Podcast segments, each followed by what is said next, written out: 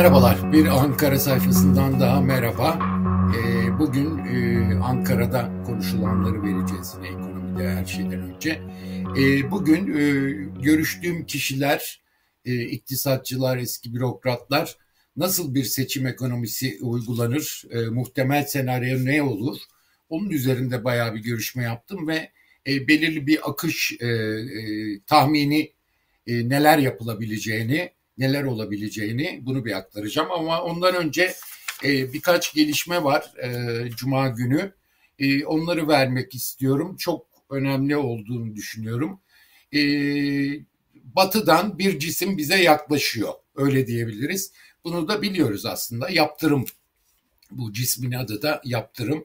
Batıdan gelecek yaptırımlar. Bu iş çok ciddi olmaya başladı. Ee, özellikle hangi kanal üzerinden yaptırım gelecek dersek Mir kartları üzerinden olacağı benziyor. Amerikan hazinesi bir açıklama yaptı. Mir kartlarının kullanımıyla ilgili bir açıklamaydı. E, şu anda Rusya'nın Mir kartlarını e, az sayıda ülke kullanıyor. Bunlardan biri de Türkiye. E, böyle önemli bir ülkede yok e, Mir kartlarını kullanan. Özellikle Financial Times e, Mir kartlarıyla ilgili e, ciddi uyarıda bulunduğunu Amerikan hazinesinin e, yakında bununla ilgili e, Türkiye'ye özellikle sıkıntı olabileceğini söylüyor. Rusya'dan gelen haberlerde de bazı e, bankaların turizm hareketlerinde MIR kartlarını kabul etmediği konuşuluyor. Ama bir yandan da Rusya ile ilişkiler tam gaz gidiyor. Şangay Beşlisi Semerkant'ta ekonomiden güvenliğe her alanda işbirliği dedi. Bunun halinde izlenen gelişmeler oluyor. Bu arada BOTAŞ Genel Müdürü sanıyorum Moskova'da %25 e, indirimli doğalgaz alımı için görüşmeler yapıyor. Bir başka söylentiye göre de 2018'de olduğu gibi e, Berat Albayrak döneminde e, doğalgaz ve petrol alımı konusunun da yine olduğunu biliyoruz zaten. E, buradan çıkış için bunun karşılığında ne verecek bilmiyoruz ama e, Rusya'dan e, Rusya'nın bu bütün bu e, istenenler olursa seçime müdahale ettiği anlamı çıkar diye düşünülüyor. E, açıkçası yapılacak seçimlere e, Rusya'nın müdahalesi de aynı kapsamda görüşülecek şeyler. Ama e, daha önce de söylemiştim e, Kasım'da Amerika'daki seçimleri beklemeden e, Ekim gibi e, yaptırımlar, ikincil yaptırımlar konusunda büyük ihtimalle e, MIR kartları konusunda ben banka ismi vermemiştim Türkiye'de kullanan. Bunlar açık açık da yazılmaya başladı daha önceki konuşmamda. E, ama böyle bir e, durumla karşı karşıya gelebiliriz. İyice somutlaşıyor. E, batıdan bir cisim yaklaşıyor dememin anlamı bu. İkincisi de yine seçimlerle ilgili e, TÜİK e, ve Merkez Bankası'nın enflasyon rakamlarıyla ilgili bazı manipülasyonlarına şahit oluyoruz e, piyasa katılımcıları anketi Merkez Bankası e, yapıyordu. E, bu e, son ankette çok yüklü miktarda düşüşler oldu. Hem yıl sonu enflasyon beklentisinde hem 12 ay sonrasına ilişkin. E, belli ki 40'a indirmişler piyasa katılımcı sayısını. Bir ara 95'e kadar e, çıkmıştı. Geniş e, katılımlı bir anketti. E, ve 21 yıldır yapılan bir anket. Bunu bile e, bozdular ve e, bizim gazetecilikte embedded gazeteciler vardır. E, e, beraberinde götürülen gazeteciler e, bir anlamda embedded piyasacılar oluşturmaya başladı Merkez Bankası. E, yani iyimser olanları, e, iyimser olan piyasa katılımcılarını kapsama aldılar. Özellikle bazı büyük bankaların iktisatçılarının e, anketten çıkarıldığı söyleniyor. Bu da ne için? E, beklentileri değiştirmek için resmi beklentilere uyumlu e, beklenti bildiren piyasa katılımcılarıyla yetinecekler. E, en iyi şey deyimiyle, hafif deyimiyle iyimser e, piyasa katılımcılarıyla e, beklentileri oluşturmaya çalışacaklar. Ama herkes kendi yapacak tabii tahminini ve bunun da bir sonuç vermeyeceği ortada. Buna karşılık TÜİK'te e, hiç e, uzmanlık alanı olmayan bir kişi e, daire başkanı yapılmıştı fiyat istatistikleriyle ilgili. Şimdi aynı kişinin e, yine fiyatlarla ilgili istatistiklerle sorumlu başkan yardımcılığına getirdiğini görüyoruz. Zaten son dönemde Enag'la e, TÜİK'in arasındaki enflasyon farkının arttığını biliyoruz. Seçime giderken enflasyonla mücadele etmeyen hükümet enflasyonu düşük göstermek için e, hem Merkez Bankası hem TÜİK'i devreye sokmuş görünüyor. Çok büyük bir rezalet e, ve bu güvensizlik bence ekonomiyi daha da bozacak olan bir gelişme olacak ama e, umurlarında değil seçim kazanmak için her şey yapılacak. O belli oldu e, bundan sonrası için. E, evet e, muhtemel ekonomik planı nedir diye Cumhurbaşkanı Erdoğan baktığımızda ipuçlarından yola çıkarak bunu söylüyoruz. Ekonomi daralıyor. Her şeyden önce onu görüyoruz. Otomobil, beyaz eşya, elektrik tüketimi tüm bunları gösteriyor. İç talep daralıyor, dış talep, ihracat daralıyor ve e, üç, e, çeyrekten çeyreğe eksi rakamları görmeye başlayacağız iktisatçılara göre. Üçüncü çeyrekte ikinci çeyreğe göre eksi bir rakam gelecek. E, yatırım iştahı azalıyor, krediler daralıyor. Bütün bunlar önümüzdeki dönem seçim dönemine girilirken bir yavaşlama sinyalleri olarak algılandı. Buradaki kritik soru daha önce de çok sordum ve e, cevabını kendi tahminimce verdiğim soru e, Cumhurbaşkanı Erdoğan daralmaya, büyümenin daralmasına izin verir mi? Bence vermesi mümkün değil. E, bunu hep söylemiştim zaten. Şimdi bunun ipuçlarını da görüyoruz. Vermeyecek. Ekim'de meclis açılmasıyla birlikte bir sürü karar ardı ardına gelmeye başlayacak ve asıl olarak da yılbaşından sonra e, bir şey yapılacak. Neler yapılabilir diye bakıldığında gelirler politikası, asgari ücret çok yüksek oranda arttırılacak, işçi memur maaşları ve emekli maaşları çok yüksek oranda arttırılacak. Emeklileri, e, bütün çalışanları ve emeklileri enflasyon nedeniyle enflasyonu arttırarak ve onunla mücadele etmeyerek yoksullaştıran hükümet şimdi bir parmak bal sürmeye çalışacak seçim öncesi kaç olur yıl başında gelecek zam dediğimizde e, 2016'daki %10'luk e, enflasyona rağmen 38-39'luk zam yapılmış. %70 oranın en az zam geleceği önümüzdeki 2023'ün 6 ayı ve olarak en az %70'lik zam verileceği söyleniyor. Bu arada bir başka e, tahminde e, seçimden önceye gelecek Ramazan bayramında e, ikramiyelerin de çok yüksek oranda arttırılacağı seçimden önce. Sübvansiyonlar devreye girecek. Zam yapılmayacak. Çok büyük ölçüde bütçeden transferler BOTAŞ'a, Toprak Mahsulleri Ofisi'ne artmaya başladı. E, bununla birlikte e, üçüncü olarak da krediler artırılacak. Özellikle Ekim Kasım'dan itibaren e, hem bankalar üzerinde hem de KGF kredileriyle piyasa bayağı canlandırılması bekleniyor açıkçası. KGF için 50 milyar lira lafları çıktı ama bunun çok daha yüksek olmasını bekliyoruz ve seçime girilirken e, piyasanın canlandırılması amaçlanacak. Finansmanı nasıl olacak e, diye bakıldığında e, hazinenin 470 milyar lira zaten bir hesabı var. Hazırda seçim için beklendiği. E, bu arada e, önümüzdeki dönem içerisinde bankalara yüklenileceği de açık gibi.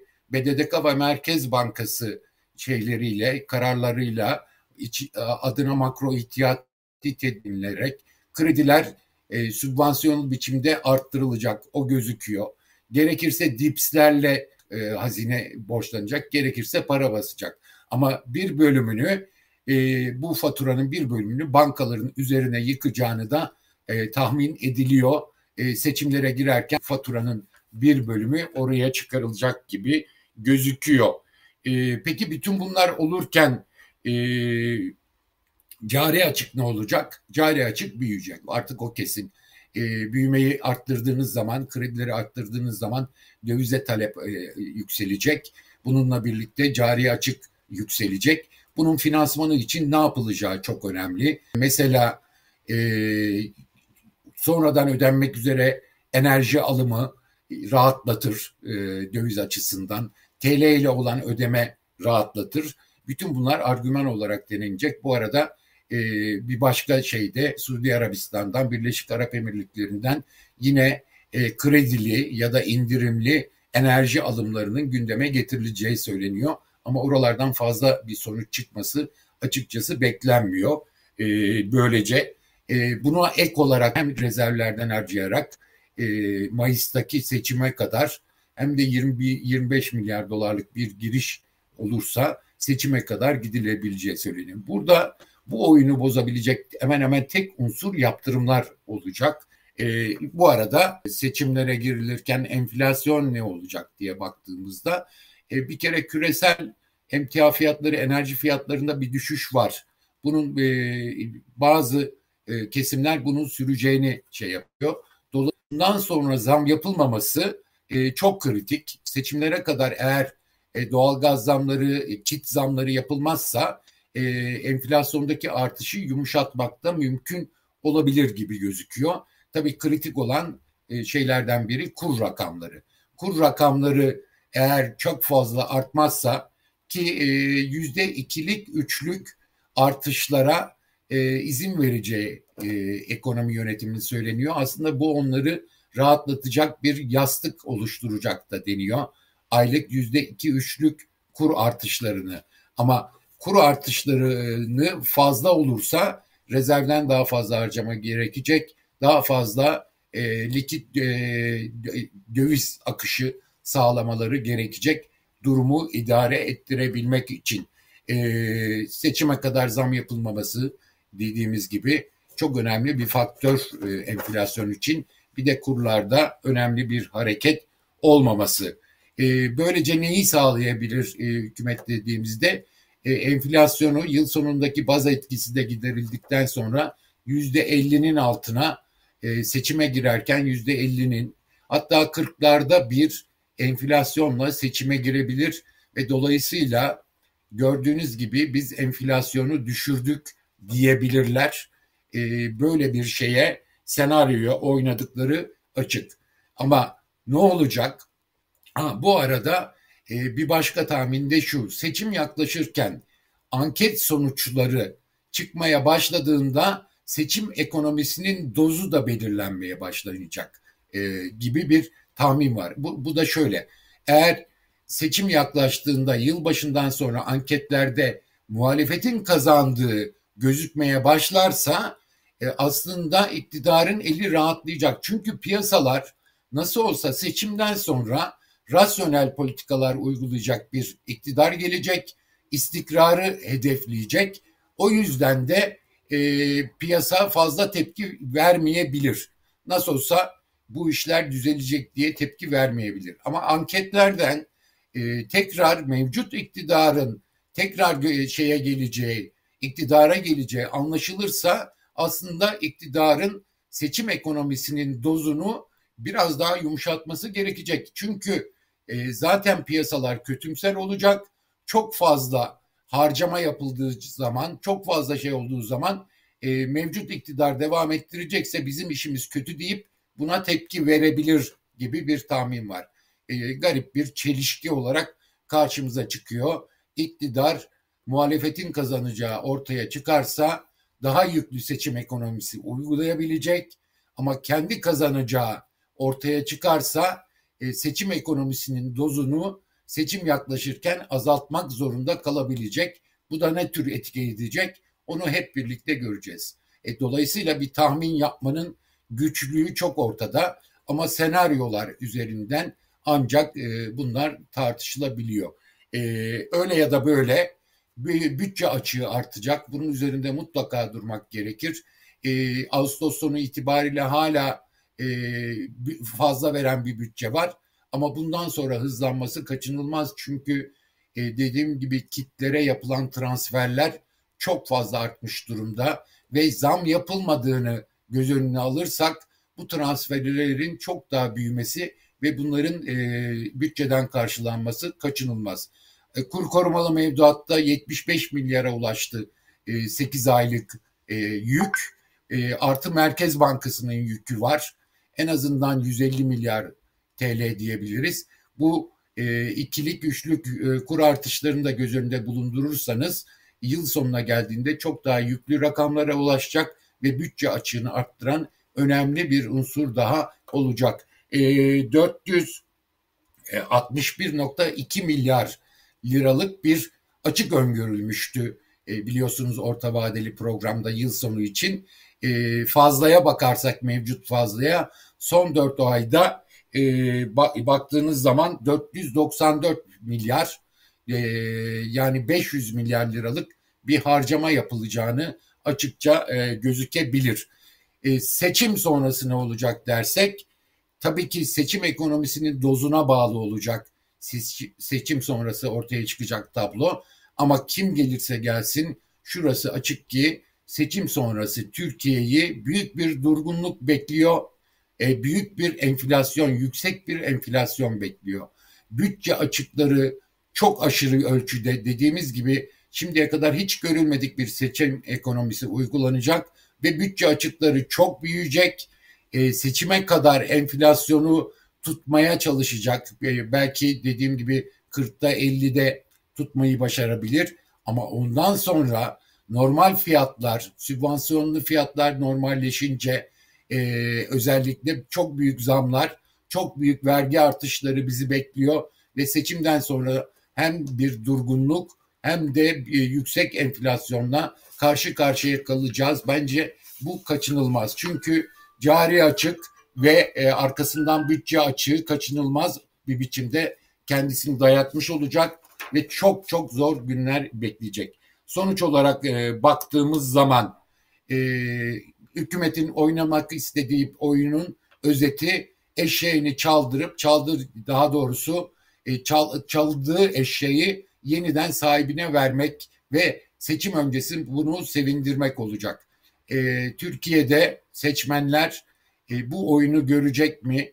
Oylarını ona göre verecek mi bilmiyoruz. Ama eşeğini yeniden buldurduğu gibi gözükse de e, yine bir iktisatçının deyimiyle eşek e, gelmiş olsa da üstündeki heybe kaybolmuş olacak. Heybesi bile gitmiş olan eşeğini de uzun zamandır kaybetmiş olan e, bundan yararlanamayan vatandaş e, seçimde ne oy verecek onu da hep birlikte göreceğiz.